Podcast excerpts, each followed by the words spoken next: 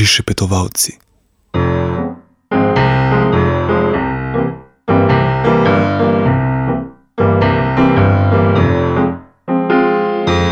Želim živeti brez skrbi in tu jaz tiskam me ne briga. Vem, kar je treba vedeti. Življenje je odprta knjiga, naj svet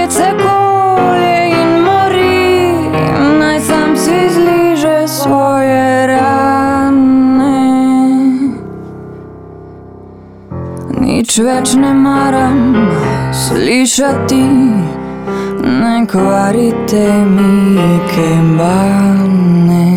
Največ je vreden mir, največ je vreden mir.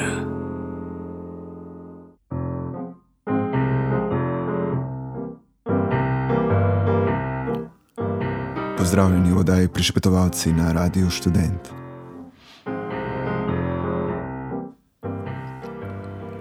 Morda je za tiste, ki živijo v Kopru, na Jesenicah ali v Mariboru, zadeva drugačna. A tisti, ki živimo v Ljubljani, lahko v osnovi rečemo samo tole. Mimo so še ene volitve, še ene mučne in nadležne volitve, ki se niso mogle odločiti ali so se sploh hotele zgoditi. Seveda so se tudi tokrat našli nekateri, ki so ta politični nedogodek znali zapakirati v boj za ohranitev odprte in svobodne Ljubljane, ohranitev mesta heroj, ki naj bi mu resno grozila nevarnost fašizma. Vsem ostalim, ki teh mentalnih coprni nismo zmožni in ki se obenem nismo uspeli zamotiti s tem, da bi kandidirali sami, pa ni preostalo drugega kot čakanje, da stvar mine.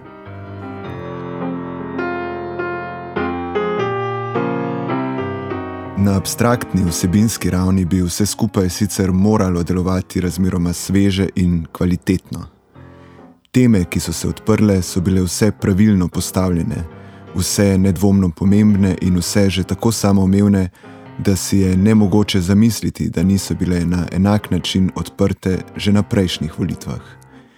Stanovanska problematika, recimo, sama po sebi sicer ni od včeraj in enako velja za problem defektnega javnega prevoza.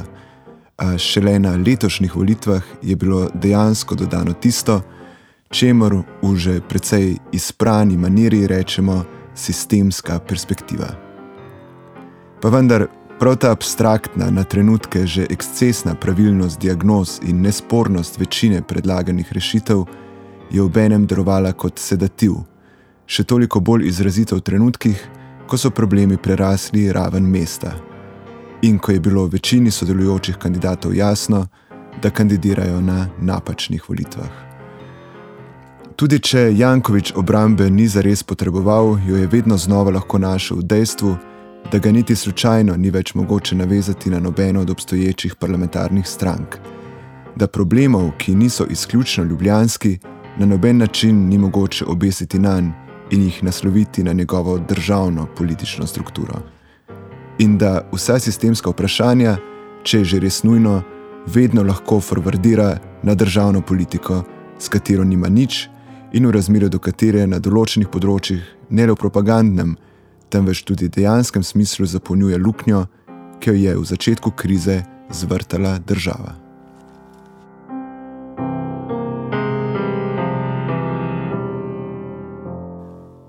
Produkt je jasno čista pad pozicija. Vprašanja, ki zadevajo izključno Ljubljano, so predstavljena kot strogo njegova vprašanja, kot vprašanja, na katere lahko kompetentno odgovarja zgolj on sam. Vprašanja, ki kakorkoli zadenejo državno raven, pa so vprašanja za drugega.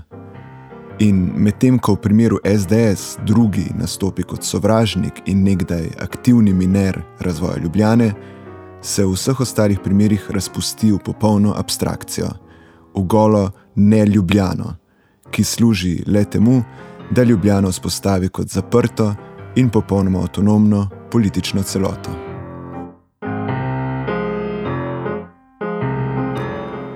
Ta struktura samostojnega mesta, ki se je izoblikovala v času, ko je med Janševo državno in Jankovičevo mestno politiko še obstajal odkriti antagonizem, traja še naprej.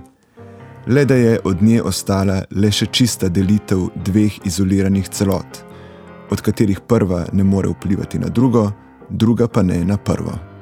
Kar smo lepo videli v Jankovič-Rjavčevem predvoljivnem pozivu za oblikovanje levega bloka, ki ga nihče ni vzel resno in sploh ne zaradi kakšne posebne antipatije, prej zaradi tihega zavedanja, da eno z drugim nima resnično nobene zveze.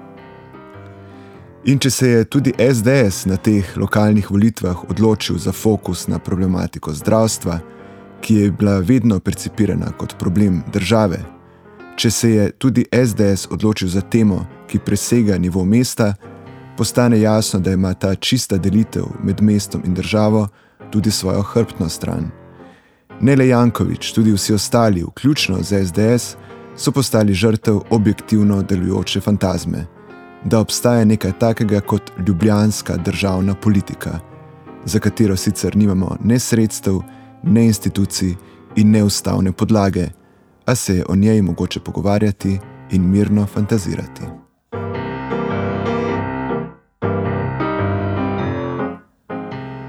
In ko fantazmatska napihnjenost Ljubljane kot avtonomne politične substance trči ob realnost, ko trči ob dejstvo, da politike v Ljubljani že leta več ni, da se večini prebivalcev ne sanja ne to, kaj se dogaja v mestnem svetu, in ne to, kaj se dogaja v četrtnih skupnostih, če sploh kdo ve, kje se nahajajo. Ko se skratka zavemo, da Ljubljana ni postala le avtonomna pokrajina, temveč da je bila kot taka prepuščena vedno isti in za vse večne čase najboljši ekipi, se nam počasi zasvita, da smo soočeni z resnim problemom, ki je znotraj danih koordinat popolnoma blokiran. Težava tu ni le v banalnem demokratičnem deficitu, ki bi izviral iz Jankovičevega značaja in absolutne večine v mestnem svetu, temveč v tem, da se je ljubljanska politika de facto preobrazila v politiko dogovornega tipa. In ker je tako, je povsem logično, da vsaka opozicija, ki stavi na politično strukturirano levo korigiranje po modelu prevzetem z državne ravni, objektivno nastopi kot podpora Jankoviču. Konkretno, ob županskem kandidatu, ki ga je po mučnem odlašanju izbrala levica, ob županskem kandidatu, ki se ni kazal kot kandidat, temveč prej kot posebitev abstraktne sistemske kritike, je tudi odstotek, ki ga je stranka dobila, gola prikazen uspeha. Glas za listo levice je bil glas, ki je bil sam pogojen z gotovostjo Jankovičeve zmage in je bil kot tak, prej kot politični spremembi, namenjen voljivcem samim.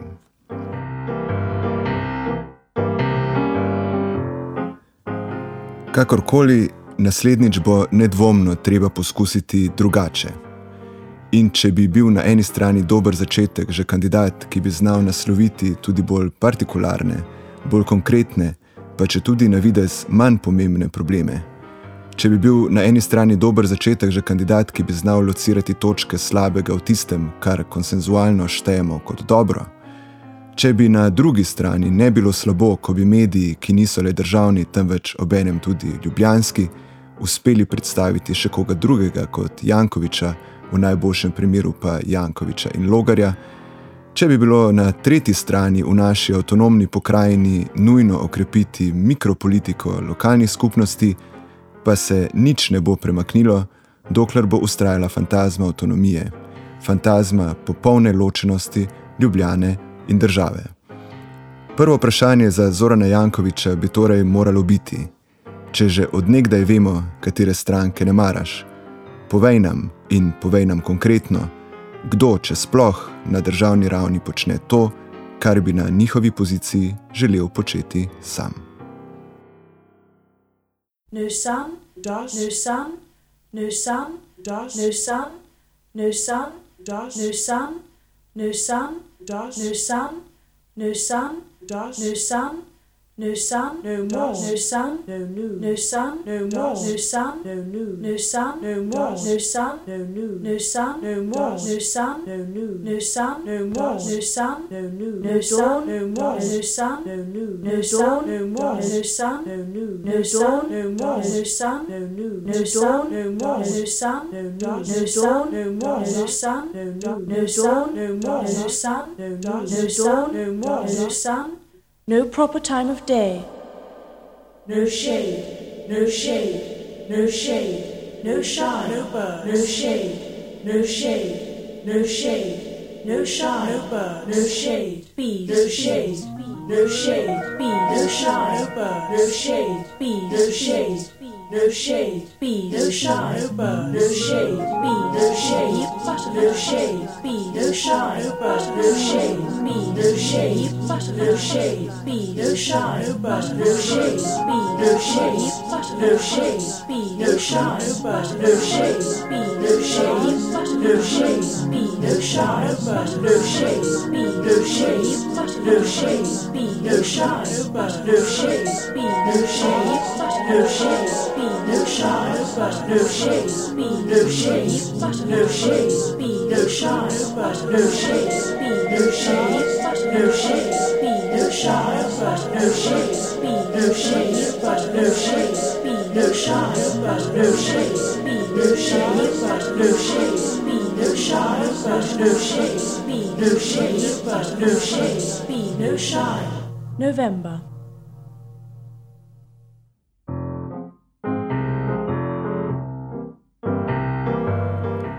Še naprej poslušate oddajo Prišpetovalci na Radiu Student.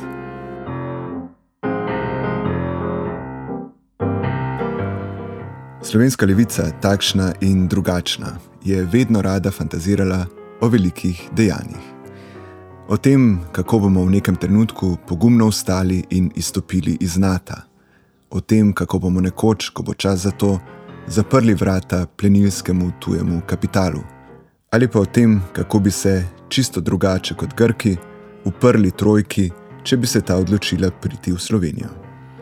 Kot vsaka fantazija te vrste, je tudi ta popolnoma ambivalentna.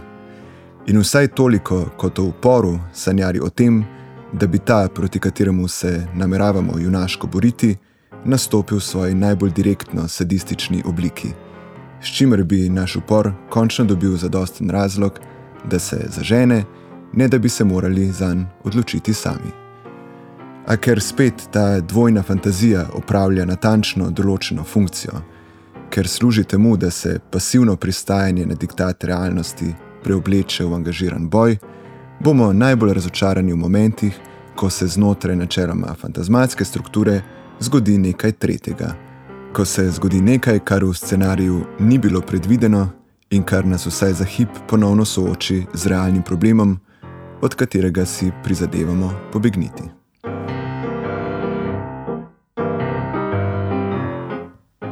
Prav nekaj takega se je prejšnji teden zgodilo v zadevi drugi tir.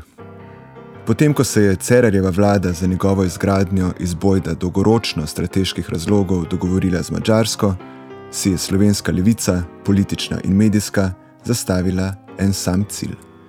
Nekako je treba poskrbeti, da Slovenija drugi tir zgradi sama po logiki pač, da bi bilo posojilo, ki bi ga Slovenija pridobila na prostem trgu, finančno ugodnejše od posojila posojila.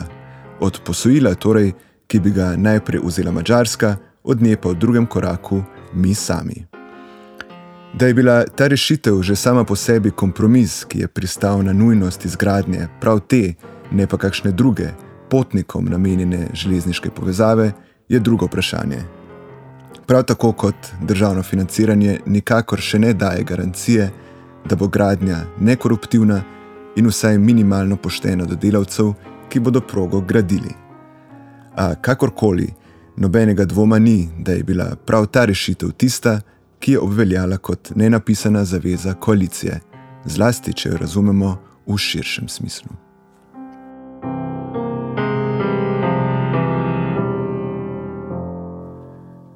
In če predpostavimo, da imajo volitve, ki so se zgradile na zgodbi o proti-urbanizaciji, kakšen smisel, je bilo to tudi eno od latentnih sporočil konca vladavine SMC.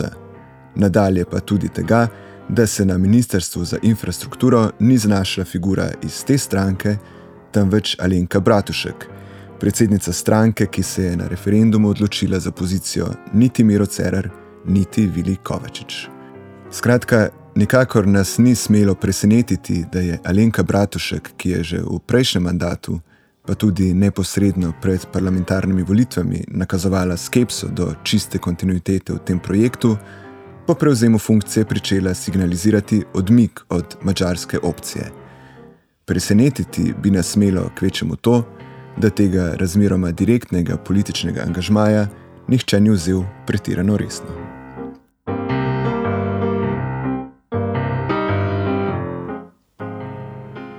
In potem se je zgodilo, ali bolje, potem naj bi se zgodilo tole. Viktor Orban, točno tisti Viktor Orban, ki ne muti in namesto samo napihljivih tehničnih ovir na meji postavi zid, je sprejel odločitev. Konec je, naj bi rekel, ne grem se več. Hočete me izgnati iz naložbe, zato se bom dokončno in brez povratka iz nje povlekel sam. Ne grem v Koper, ne ne grem v Trst, tja grem, kjer vas najbolj boli, v mesto, za katerega fantazirate, da bi moralo biti vaše. In zdaj izvolite, soočite se z vašim uporništvom in si sami postavite drugi tir do vašega simpatičnega ribiškega sela. Medtem ko bomo mi končno spet postali pomorska država z nespornim in neoviranim dostopom do odprtega morja, kar bi za vas in vaš koper težko z gotovostjo trdili. Skratka, nečesa se morate zavedati. Izgubili ste enkratno zgodovinsko priložnost v škodo bodočih rodov.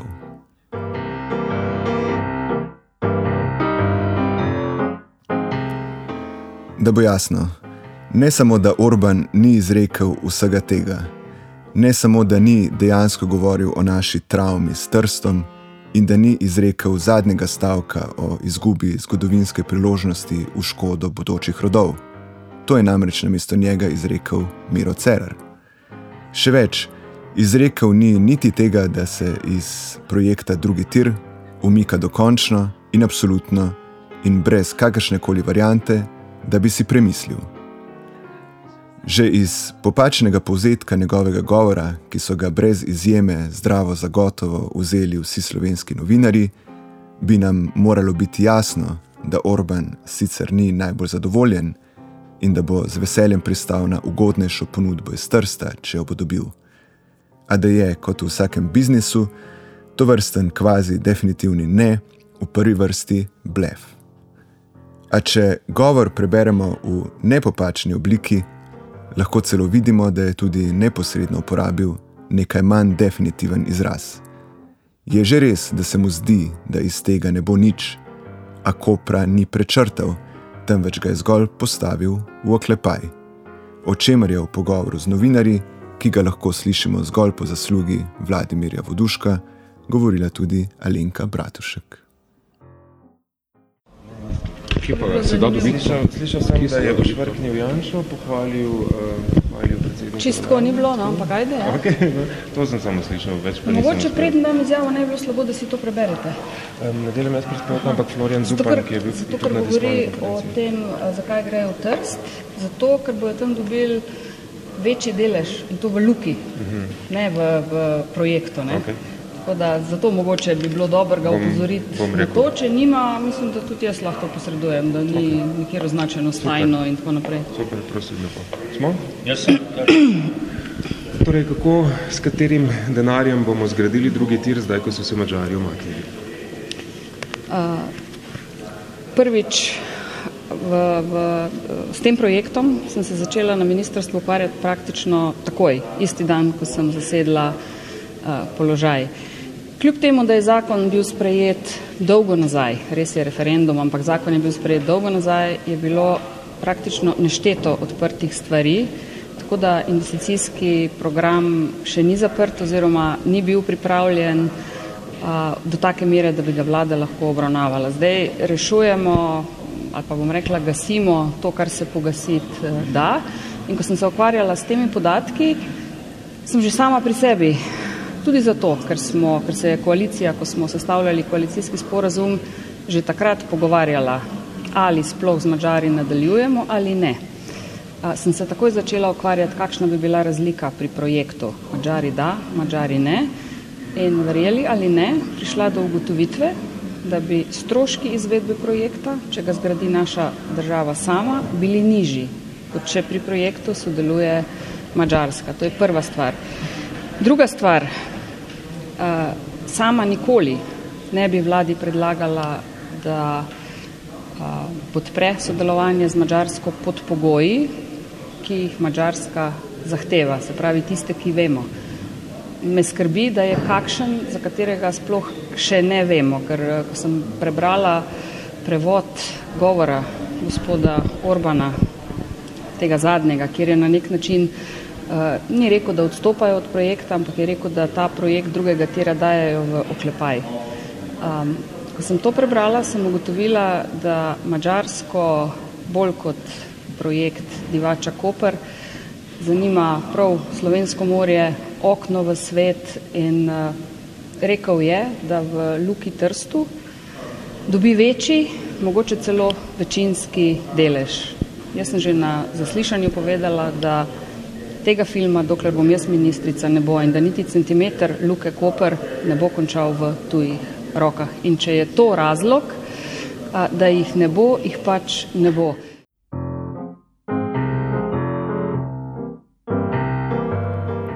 V Orbanovem govoru, namenjenem diaspori, torej ni šlo za samozavezujoč sklep mačarske vlade in ni šlo za formalni umik, kot so med drugim zapisali na večeru. Nasprotno, šlo je jasno za popolnoma premišljeno in nezavezujočo vabo politiki v Sloveniji, kamor se je, kakšno na ključe, ravno par dni zatem odpravil mačarski zunani minister in se srečal, citiram, s svojim dobrim prijateljem Mirom Cerarjem ki je takoj po Orbanovi kvazi definitivni odločitvi zagnal galamo, kakršne v meddržavnih odnosih že dolgo nismo slišali. Po Cerarju naj bi si Orbanov ne zaslužili sami. Mačari naj bi nam tri leta ponujali roko, mi pa smo se tej roki z nedoraslimi in nezrelimi dejanji, ki se jasno nadaljujejo tudi zdaj, odrekli. Za pogled zunanjega ministra skratka gre pri tem za velik poraz Slovenije. In če bodo o izgubljeni priložnosti sanjali prihodni rodovi, je bil sam tisti, ki je še v ponedeljek obžaloval, da z mačarskim kolegom v torek ne bosta mogla govoriti o temi, ki bi lahko Sloveniji prinesla dodatne zaslužke, dodatno prepoznavnost na transportnem zemljevidu sveta in konstruktivno sodelovanje s sosedo. Da se je vsaj glede tega zadnjega motiv, nas je v pogovoru za odmeve seznanil sam mačarski zunani minister. O temi, o kateri nista mogla govoriti, sta vendarle govorila. Look, we are interested in, uh, in a developed cooperation with Slovenia, uh, definitely. Uh, we had some uh, very good negotiations with your former Prime Minister, Miro Cerar, about this issue. Uh, we would have been happy to take part in such an investment because for Hungarian companies, it is important to have a better access to the exit uh, to the mm -hmm. sea. Um, we understood the uh, statements of your uh, of your Minister of Infrastructure, which were not very encouraging from our mm-hmm. perspective. And since this is your country, this is your investment, this is your port, this is your railway, mm-hmm. it's up to you to decide. So if you don't want us, we're not going to participate. Now today, I heard from um, from Miro Serrar that uh, that uh, the um, statement by Minister of Infrastructure was not representing the position of the government because there was no decision mm-hmm. by the government. So, I mean, we respect that. We are, uh, uh, we are, let's say, uh, relaxed in this issue because um, once you decide, you let us know about it.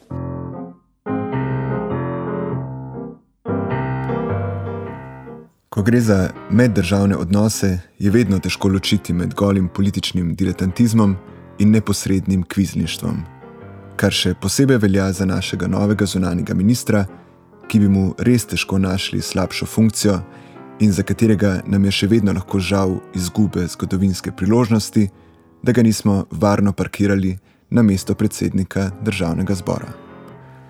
Pa vendar, če je kvizniški nagib še mogoče reducirati na privatni problem cerarevega značaja, je politični diletantizem problem naše celotne javne sfere, ki je strateški, zdi se mi, da ne bo nič, pretvorila v formalni umik. Tudi tista javnost, ki je Orbana v zadnjem letu pretvorila v Janševega puppet masterja in svarila pred dobesedno urbanizacijo, je Orbana sama postavila na mesto gospodarja, na mesto tistega, ki zna udariti po mizi, na mesto tistega, ki je pač rekel ne, S tem pa mu podelila objektivno vrhovni status nekoga, ki morda ne ravna plemenito, a se vendarle zna odločiti. Kvizlinštvo pa naj gre za odnos do korporacij ali korporativnih držav, samo po sebi nikoli ni nujno in se mu je ob določenih žrtvah vedno mogoče izogniti. A da bi se kvizlinštvo vzpostavilo, nujno potrebuje vero v odločne namene gospodarja. Da bi moralno vzdržal svojo pozicijo, kvizling nujno potrebuje vero v objektivno nemožnost odločne protipozicije. In prav ta objektivna vera je tista, ki jo je za Cerarja, posledično pa za Orbana, zgradil diletantizem slovenskih medijev.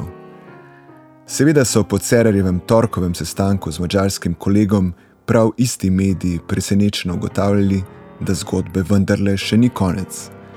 A ker so pri tem le stežka skrili, da so novico sprejeli z olajšanjem, ker so se tudi nasprotniki mačarskega vložka nedvomno razveselili, da se dokončno odločitev vendarle vrača v mutenje, ko bo Orbanov umik spet lahko postal zgolj fantazija, takrat je postalo precej očitno, da je bil Orbanov cilj dosežen in da se po zanj ugodnem razpletu dogodkov lahko zgodi, da bo iz projekta iztržil vsaj toliko, kot se je nekoč dogovoril s Cererjem in njegovimi pogajalci.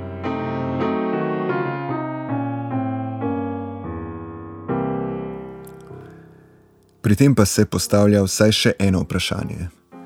Smo v vsej tej zgodbi, ko je Alenka Bratušek začela izvajati tisto, kar so od katerega koli infrastrukturnega ministra ali ministrice želeli ne le njeni lastni voljivci, temveč zagotovo vsaj voljivci levice, poleg njih pa celotno anti-orbanovsko družbeno-politično gibanje, zaznali kakšno resno podporo njenim potezam. Se je oglasila levica, ki je bila v zadevi Bandeli zmožna pohvaliti Marjana Šarca, ne da bi ga, kot stranka, obenem spomnila vsaj na Črnčeca, kar je denimo znal izpostaviti tudi Jure Trampuš. Je levica, ki svojo politiko utemeljuje na vrlini konstruktivne, konkretne podpore, ko se cili drugih ujamejo z njihovimi lastnimi cili, v spopadu Cererja in Alenke Bratušek stopila na stran slednje, so v levici rekli vsaj to, da Bratušek počne to, kar so že vse čas želeli doseči sami. In če niso, nas to lahko preseneti.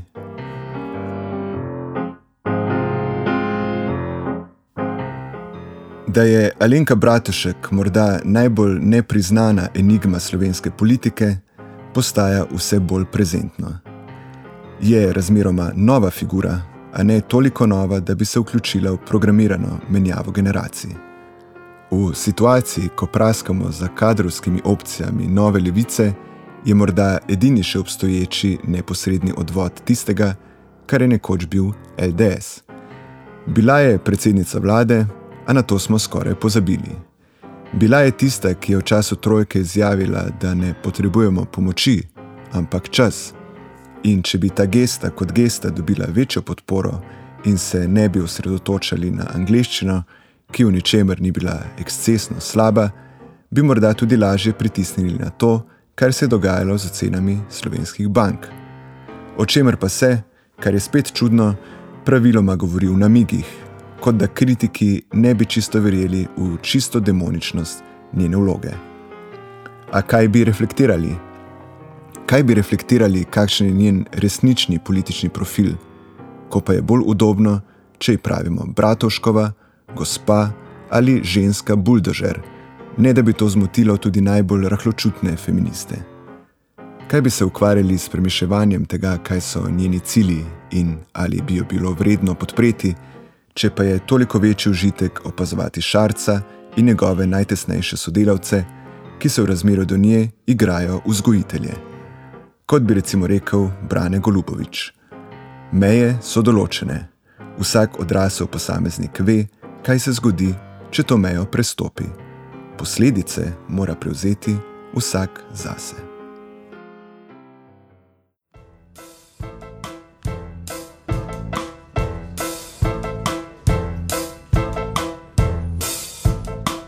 You people can watch me humming a tune, and I'm humming a tune while you're gawking.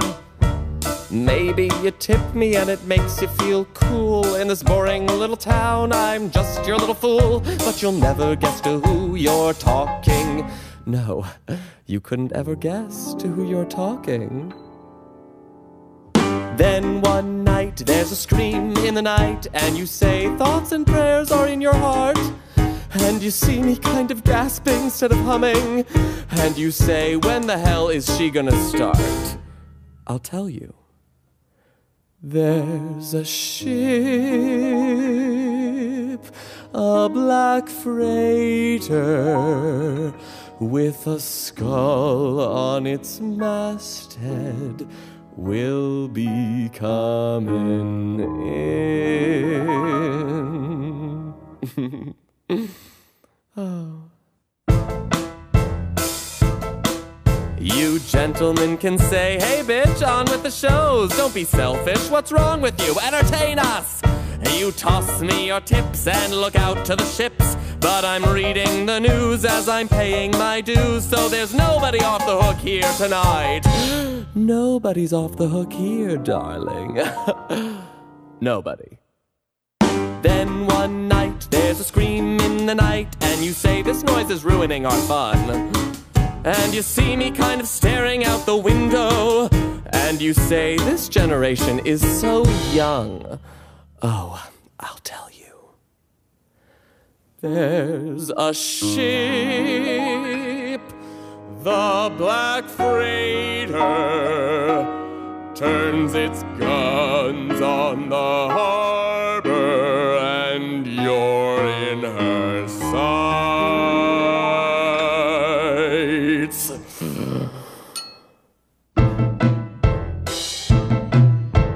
you fuckers can wipe off that smile from your face, cause every structure in town is a flat one.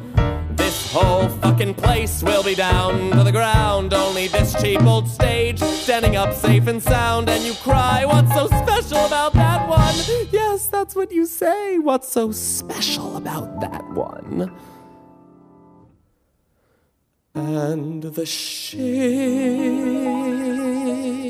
the black freighter, runs a flag up its masthead, and a scream rings the air.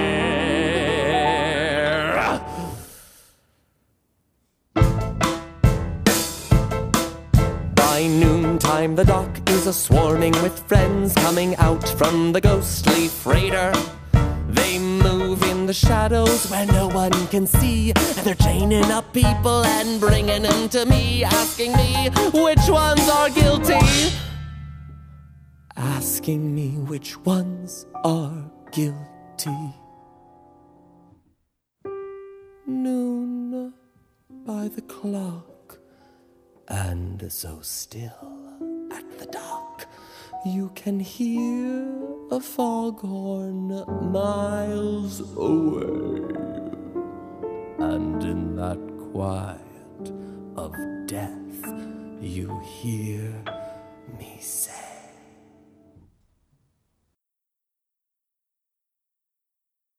All of them.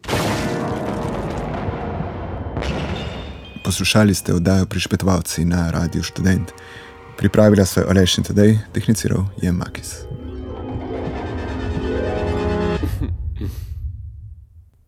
Oops. And the ship, the black freighter, disappears out to sea, and on it is me.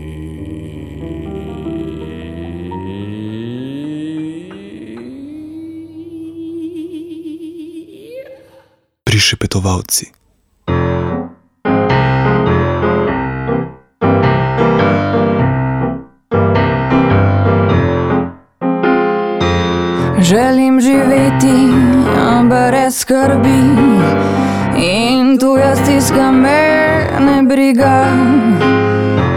Kar je treba vedeti. Življenje je odprta knjiga, naj svet se kolje in mori, naj sam si zliže svoje rane. Nič več ne maram slišati, ne kvarite mi kembane. Največ je vreden mir, največ je vreden mir.